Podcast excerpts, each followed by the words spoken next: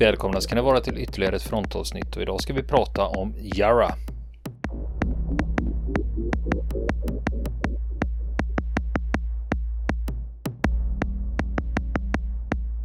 Så Niklas, du pratade om ett fartyg här. Ja, nu tänkte jag att nu blir det lite eh, marinhistoria igen. Eh, i några avsnitt framöver. Eh, och eh, vi har ju sysslat lite grann med flyg och vi har sysslat lite grann med eh, en känd författare på sistone. Eh, och hans erfarenheter från kriget. Men nu tänkte jag att vi skulle ta oss till havs igen. Ett litet tag. Och min fråga till dig är ju att vad vet du egentligen om Australiens flotta? Ingenting. Eh, sänkte Rainbow Warrior. Eller var det, nej, det var fransmännen som gjorde det. Det var fransmännen. ja. Close enough. Nej, ja. ja, det är väl enda det maritima jag, jag känner till som har skett på ja. australiensisk mark. Ja, det var i Australien eller var det Nya Zeeland? Det var på, i Nya Zeeland var det. Nya Zeeland, då hade jag inte ens rätt på det liksom. Du ser, jag bara, jag sa tre saker, hade 15 fel. ja, precis. Precis, så, så kan det vara ibland. Men det är inte, det är inte så lätt. Är det inte för eh, jag tänkte vi skulle lyfta fram lite grann av den där historien om eh, eh aspekter av historien under andra världskriget och som brukar hamna lite i skymundan. I alla fall på våra breddgrader sett så är till exempel de, eh, de australiensiska sjöstridskrafterna under, under andra världskriget eh, ja, inte så väl dokumenterat eller finns inte så mycket skrivet, eh, publicerat på svenska kring, kring det. Och det är ju, handlar om historier som är nog så dramatiska. Och eh, när det gäller, eh, när det gäller striderna i kriget i Stilla havet 1941 till 45. Och jag tänkte att vi ska, gå, vi ska faktiskt fokusera på en enda båt. Och det är inte, den, inte någon av de stora och kända utan en ganska liten. Eh, ett litet eskortfartyg som 1942 på våren var inblandat i en oerhört, ska man säga, en strid på liv och död mot tre japanska kryssare i ett försök att rädda en konvoj undan japanerna. Och det här är liksom Davids strid mot Goliat. Och man kan ju fråga, vann Goliat eller David den här gången? Mm, men en fråga där, för när du säger eskort, jag kan ju väldigt, väldigt lite om eh, örlogsfartyg. Men eh, när du säger eskortfartyg och du, kryssare vet jag att de är ju stora va? Jag vet ju inte hur stort ett eskortfartyg är. Liksom. Nej, i det här fallet så eh, alltså, är det, använder jag termen eskortfartyg därför att det handlar om ett fartyg som var liksom, kan man säga mindre än en jagare och större än en fregatt. Och i den brittiska och i den australiensiska flottan så kallades de här under första och andra världskriget för slupar. Och det där är ju ett gammalt, gammal skeppsterm som man hade tagit upp igen från typ 1700-talet och börjat använda på nytt fast i ett annat sammanhang. Så det är ett slags, eh, alltså de här, den här, de här klasserna av eskortfartyg var, var någonstans eh, mitt emellan mer kända liksom, fartygstyper kan man säga. Eh, så därför har jag valt att kalla dem varför-eskortfartyg i, de, i det här fallet. Men det var inga, alltså, och jag säger att de var små men det, vi snackar ju inte roddbåtar i det här läget utan vi, vi snackar ju om, snackar om, eh, om fartyg som är på eh, en bit över tusen ton och har över 150 mans besättning ändå. Men som, som, i det, som i den brittiska terminologin då var mindre än jagare. Ändå. Ja, för vi har ju pratat om, eh, du kommer ihåg, vi pratade ju om John F Kennedy vandrade för sig under andra världskriget i Stilla havet. De hade ju torpedbåtar och de var ju 13 mans besättning. Så det här är ju liksom, det du beskriver här, det är ju riktigt, riktigt stora eh, krigsfartyg. Det är riktigt stora, men med mycket klenare beväpning än vad en eh, jagare hade i, när det gällde artilleriet ombord och de var i allmänhet inte heller utrustade med torpedbatterier. För i allmänhet så hade man i eskorten i de eskortstyrkorna vid konvojerna även jagare med sig som skulle kunna sköta den biten. Så att, eh, så att eh, det här är eh, ja, en liten specialmodell kan man säga i det här fallet. Och vi kanske ska börja och säga några ord ändå om den australiensiska flottan i början av 1900-talet. För det är en ganska ung sjöstyrka. Eller Inte ganska, den är väldigt ung. Eh, Australien var ju en del av samväldet och är ju fortfarande en del av samväldet. Och först 1911 så bildades Royal Australian Navy. Som eh, då i, skulle utgöras enligt planerna av en slagkryssare. Det är alltså ett krigsfartyg som är någonstans mellan slagskepp och en kryssare i storlek. Ehm, alltså ofta eh, lite, lite svängigt eh, beskrivet så kan man säga att de, de var närmade sig en kryssare i storlek men hade ett slagskeppsbestyckning många gånger. Så kan man väl säga. Eh, och eh, man hade tre, skulle ha tre lätta kryssare, man skulle ha sex jagare och tre ubåtar. Och det här var ju små potatis jämfört med sy systerflottan, alltså sto eller storebror Royal Navy, som var världens största flotta. Och du vet, härskar över de sju haven och så vidare och så vidare. Eh, men ändå, det var, eh, det var en början då på den australiensiska flottan och redan 1910 så hade den australiensiska flottans första fartyg sjösatts. Och det var en jagare som just hette Jarra, Som det första fartyget som fick det namnet och det fartyget som vi ska prata om senare brukar kallas för Jarra 2. För den byggdes mycket senare. Så vid krigsutbrottet 1914 så hade i alla fall de flesta av de här planerade fartygen redan byggts.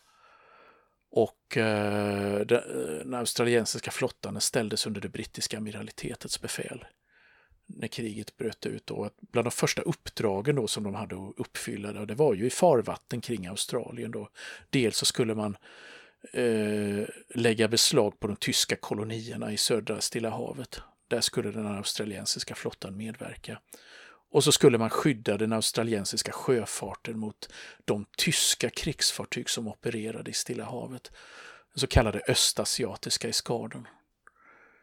Eh, så där, på det sättet började första världskriget för dem. Men senare så utvidgades operationsområdet och de stora fartygen i australiensiska flottan opererade i Medelhavet och i Nordsjön.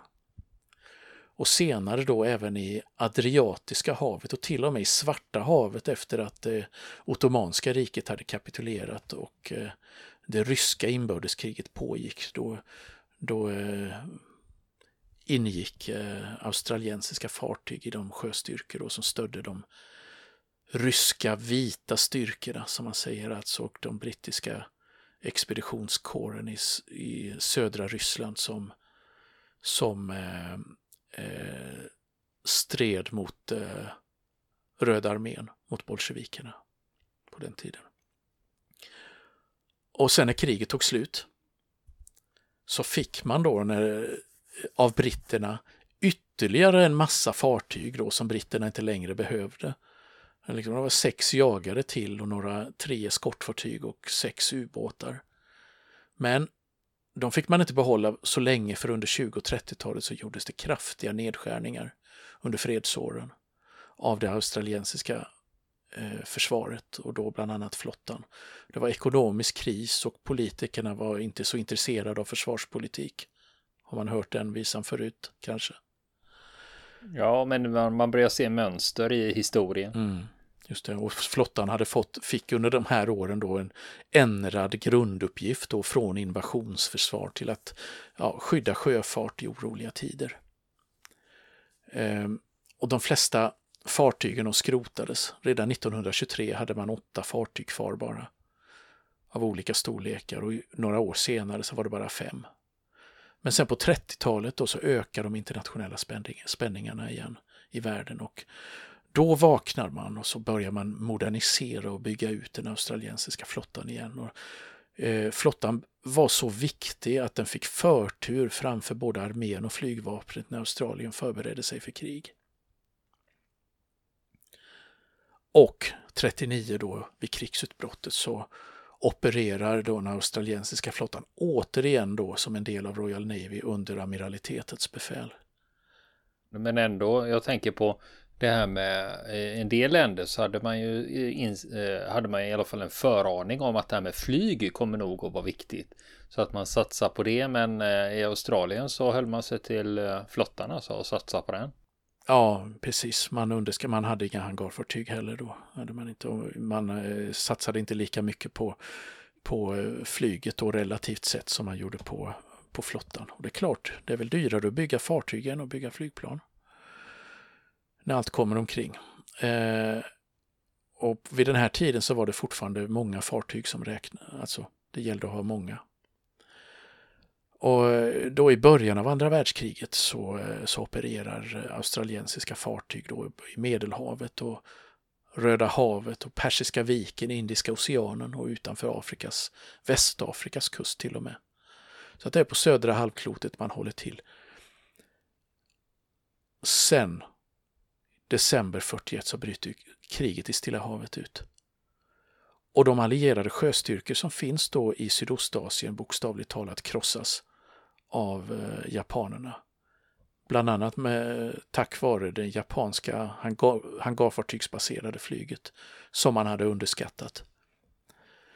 Och det här leder till att den australiensiska flottan, de här enheterna kallas hem till australiensiska farvatten igen, de som har varit kommenderade på andra håll.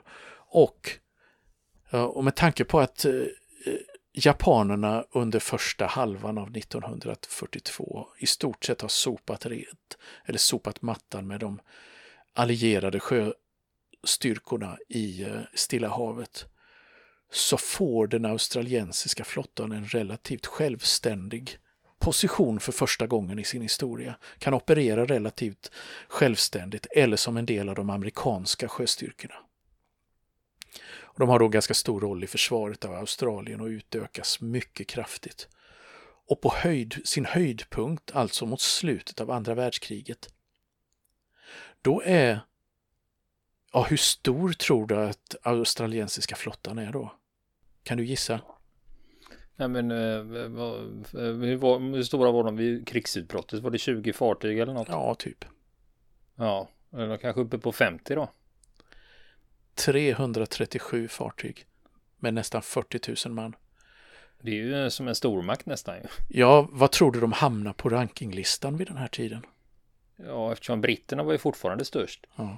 Men ja, då är de väl tre eller fyra? Ja, de är fyra. De är världens fjärde största flotta mot slutet av andra världskriget. Och av de här 337 örlogsfartygen så förlorar man totalt 34 under kriget. Ehm, inklusive tre kryssare och fyra jagare. Så att det var ändå ganska kännbara förluster kan man säga i, i sammanhanget. Och eh, ett av de här fartygen då eh, som ingick i den australiensiska flottan var då den här slupen som man kallade på den tiden, eller eskortfartyg som jag väljer att kalla det då, Yarra, som eh, skulle användas som eskortfartyg för att försvara konvojer. Eh, som, och, alltså, de skulle både tjänstgöra som luftvärn mot lättare sjömål och som ubåtsjaktfartyg. Så de hade, skulle både ha liksom, eh, grövre luftvärnsartilleri och eh, sjunkbomber ombord. Och eh, Jarra ingick då i en klass som kallades för Grimsby-klassen som började byggas på 30-talet i Storbritannien. Grimsby det är uppe i Lincolnshire. Det ligger på sö precis söder om floden Humber. Just det, se där, där har vi, du kan din geografi. Jag har bott i Yorkshire ett Jaha, år. det förklarar saken. ja, det var därför jag reagera på det. Just det. Eh, och den här klassen då, Grimsby-klassen, den bestod av, där byggdes sammanlagt 13 eskortfartyg på 30-talet. De flesta av dem byggdes i Storbritannien på brittiska varv alltså. Eh, åtta byggdes för, eh, och de skulle ersätta eh, flera serier av, Eh, ett par andra serier av eh, eskortfartyg då som hade eh, lite för många år på nacken. Åtta av dem byggdes för eh, Royal Navy. Fyra byggdes på australiensiska varv för eh, australiensiska flottan och ett byggdes för indiska flottan. Royal Indian Navy då, som var en del av samväldesstyrkorna också. Och eh, fyra av dem, fyra av de här 13 kom att eh, hamna på havets botten under kriget.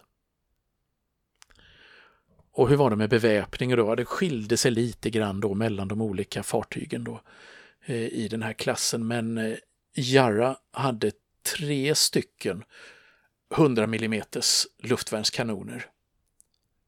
Royal Navy hade betydligt grövre, de hade fyra, Eh, 420 mm på sina fartyg. Och så hade man lite finkalibriga luftvärnsvapen också. Eh, automatkanoner och eh, kulsprutor ombord också. Och jag sa ju, som jag sa i början då, att det här var ju, det här var ju, det var ju inte jättesmå båtar. Alltså de var över 80 meter långa och med full last så vägde de 1500 ton och hade 160 mans besättning i krigstid.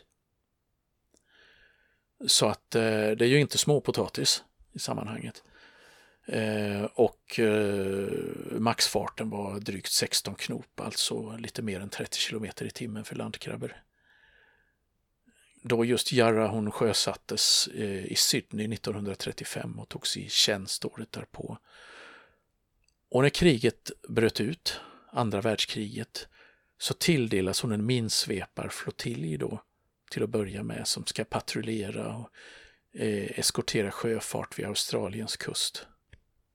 Så att, eh, och det var eh, rena rutinuppdrag som var i princip totalt händelselösa förutom eh, väd vädrets eh, ja, förändringar kan man säga under den här tiden. Och, eh, men senare då, Eh, 1940, närmare bestämt sensommaren 1940 när Storbritannien utsätts för mycket hård press eh, av Tyskland och Frankrike har kapitulerat och slaget om Storbritannien pågår och man, man eh, oroar sig för en tysk invasion fortfarande av Storbritannien, Operation Sjölejon om den ska bli av eller inte. Eh, vid den här tiden så kommenderas eh, Jarra från australiensiska farvatten till Aden vid Afrikas östkust. För att där eskortera konvojer, brittiska konvojer i Röda havet av alla ställen. Och varför behövde man eskort i Röda havet kan man ju fråga vid den här tiden. Jo, det berodde på att italienarna hade besittningar i Etiopien. Man hade ju tagit Etiopien under kriget och man eh, hade även kontroll över nuvarande Eritrea. Så att det här var ju fientligt territorium som låg i hotande närhet av den livsviktiga brittiska konvojtrafiken genom Röda havet och eh, Suezkanalen, alltså livlinan för samväldet med olja, förnö andra förnödenheter och trupper. Det är ändå lustigt att historien upprepar sig för just Adenviken om vi pratar om det i dagligt tal, det vi förknippar med det är ju piratattacker mot eh, kommersiella fartyg i och för sig som ska gå eh, genom eh, eh, Röda havet och Suez. Just det, just det. Så att det är ja. ändå, ändå det ja. bekanta farvatten på det Det är viset. bekanta farvatten, ja. Och det kommer fler bekanta farvatten i det här fartygets karriär. Eh, för man kan, man kan säga att eh, det var tidvis, eh, ja, man hade mycket tjänstgöring i, eh, i områden där, eh, som tillhörde andra världskrigets skuggsida och speciella sidokonflikter som idag är nästan bortglömda, som vi vet väldigt lite om i allmänhet. Eh, Jarra kom fram till Aden, eller Aden, i september efter tre veckors färd, 1940 då. Och redan i hamnen så fick man en försmak av kriget. För redan natten efter ankomsten så utsattes hamnen för två italienska flyganfall. Och därefter så inleds då rutintjänstgöringen i Röda havet. Det är patrullering, det är skort av konvojer fram och tillbaka i Röda havet och upprätthålla blockaden mellan Afrika och Arabiska halvön så inte italienarna eller, eller tyskarna hittar på någonting den vägen. Och det riktiga elddopet det kom drygt en månad senare. Eller ja, elddop och elddop då. Man fick i alla fall en glimt av fiendens sjöstyrkor kan man säga. Och det handlade om en konvoj, en brittisk konvoj som avseglade från Aden den 18 oktober 1940 eh, på väg norrut. Och där Jarra ingick i, eh, i eskorten då, det var 32 handelsfartyg. Och de här eskorterades av en lätt kryssare från Nya Zeeland som heter Leander, en brittisk jagare som heter Kimberley och sen då eskortfartygen Jarra från Australien Auckland från Storbritannien och Indus från Indien. Alla de här tillhörde samma klass då, den här Grimsby-klassen ska man säga, så de var likvärdiga fartyg. Och två dygn efter avgång så är man någonstans utanför Eritreas kust. Det är kväll den 20 oktober och Gerra stävar i zigzagkurs över ett hav som är spegelblankt och i vackert månsken på styrbord sida om den här konvojen.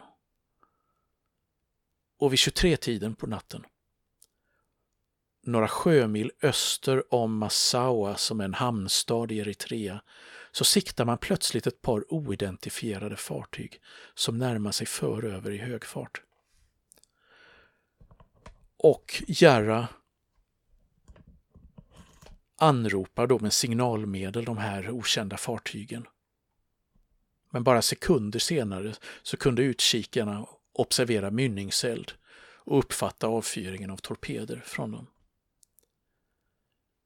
Och två av torpederna var riktade mot Jarra men hon kunde göra en undanmanöver och undgick att bli träffad.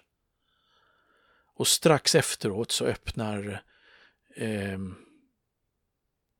systerfartyget Auckland eld mot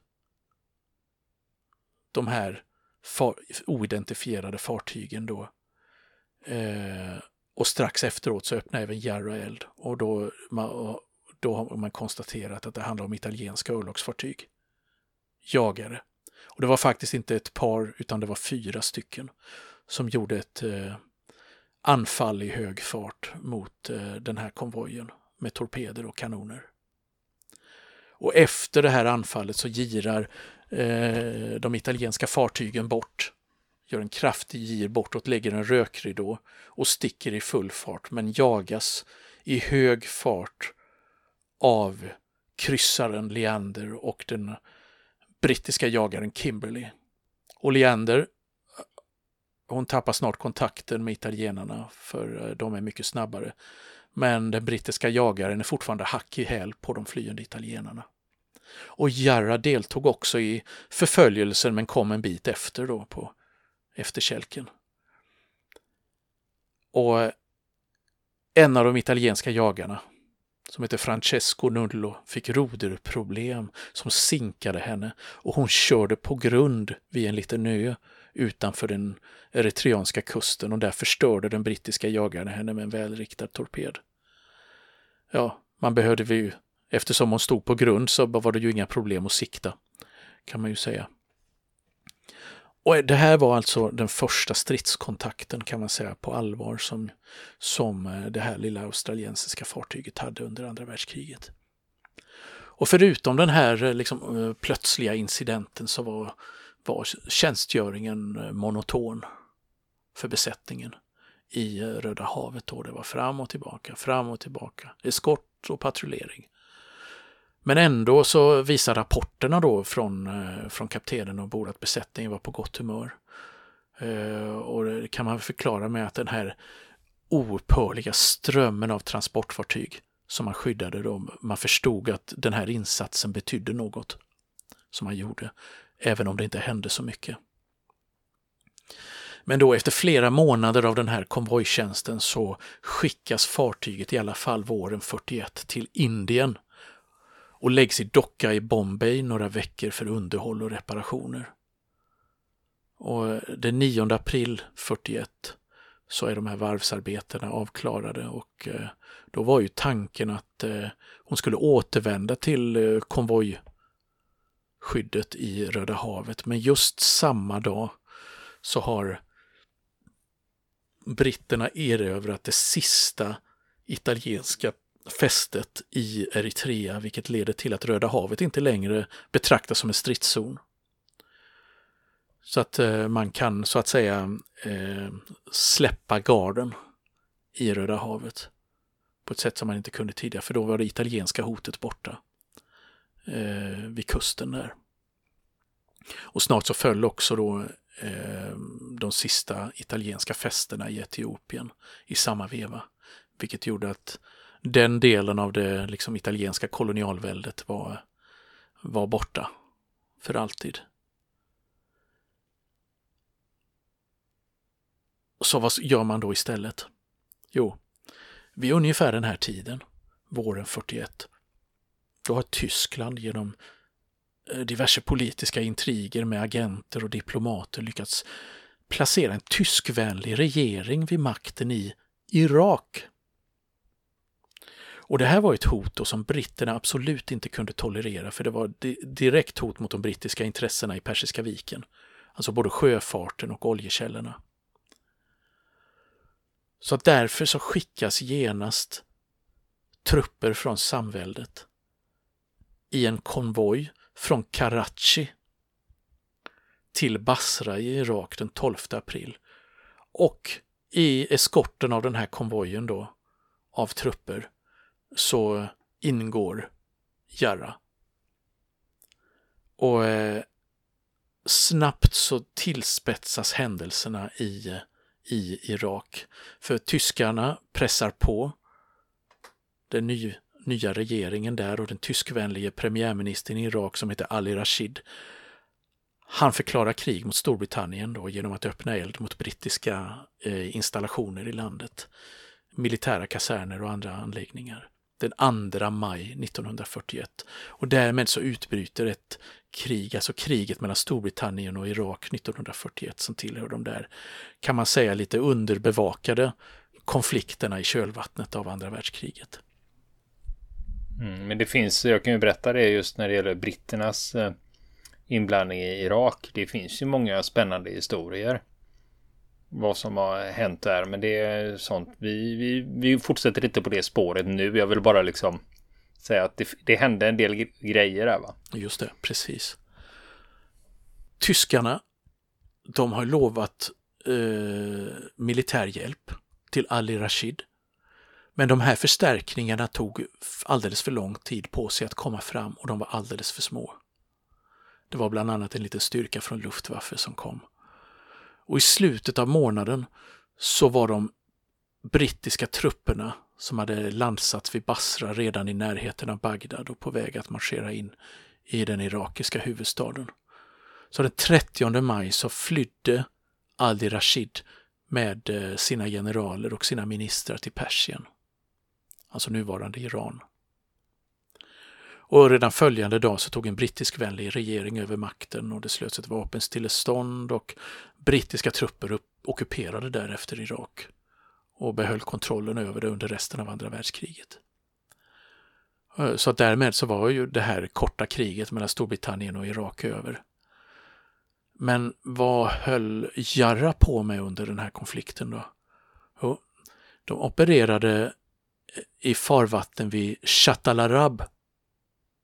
Det är där Tigris och Eufrat flyter samman alldeles i eh, till ett gemensamt flöde, alltså eh, strax innan man rinner ut i Persiska viken. Och för de som eh, kommer ihåg kriget mellan Iran och Irak under 80-talet så var Shatt al-Arab en av de heta zonerna där det pågick, eh, pågick eh, hårda strider. Så att eh, det här är ju mark som, som så att säga går igen i historien. Man kan nicka lite igenkännande åt. Och under de första tre veckorna av det här kriget i maj 41 så understödde Jarrah de brittiska markstyrkorna som hade besatt Basra och dess hamn och man höll även uppsikt över en bro över Shatt al-Arab då för att förhindra irakiska förstärkningar från att använda, som fanns på andra sidan floden, att komma använda den bron för att komma över och hota Basra. Och den här bron då hade de irakiska trupperna försökt spränga när konflikten bröt ut den 2 maj genom att detonera sprängladdningar då som hade fästs på bron då. Det heter Karmatali-bron. Men de här laddningarna de detonerade inte och från Jarra så landsattes en styrka, en grupp artillerister som desarmerade dem. Och skepparen ombord på Jarra, han som heter eh, löjtnant Harrington, då, han, han rapporterade att de här laddningarna de visade sig bestå av brittisk tillverkat bomullskrut som hade råkat bli vått. Och man hade dessutom inte, inte monterat tändanordningarna på ett korrekt sätt. Och nästa vecka fortsätter vi prata om Yara. Vill ni komma i kontakt med oss så kan ni göra det via vår Facebook-sida som heter Fronten. Det är inga problem för er att leta er fram där. Eller också så mejlar ni på vår mejladress och det är frontenpodcast@gmail.com.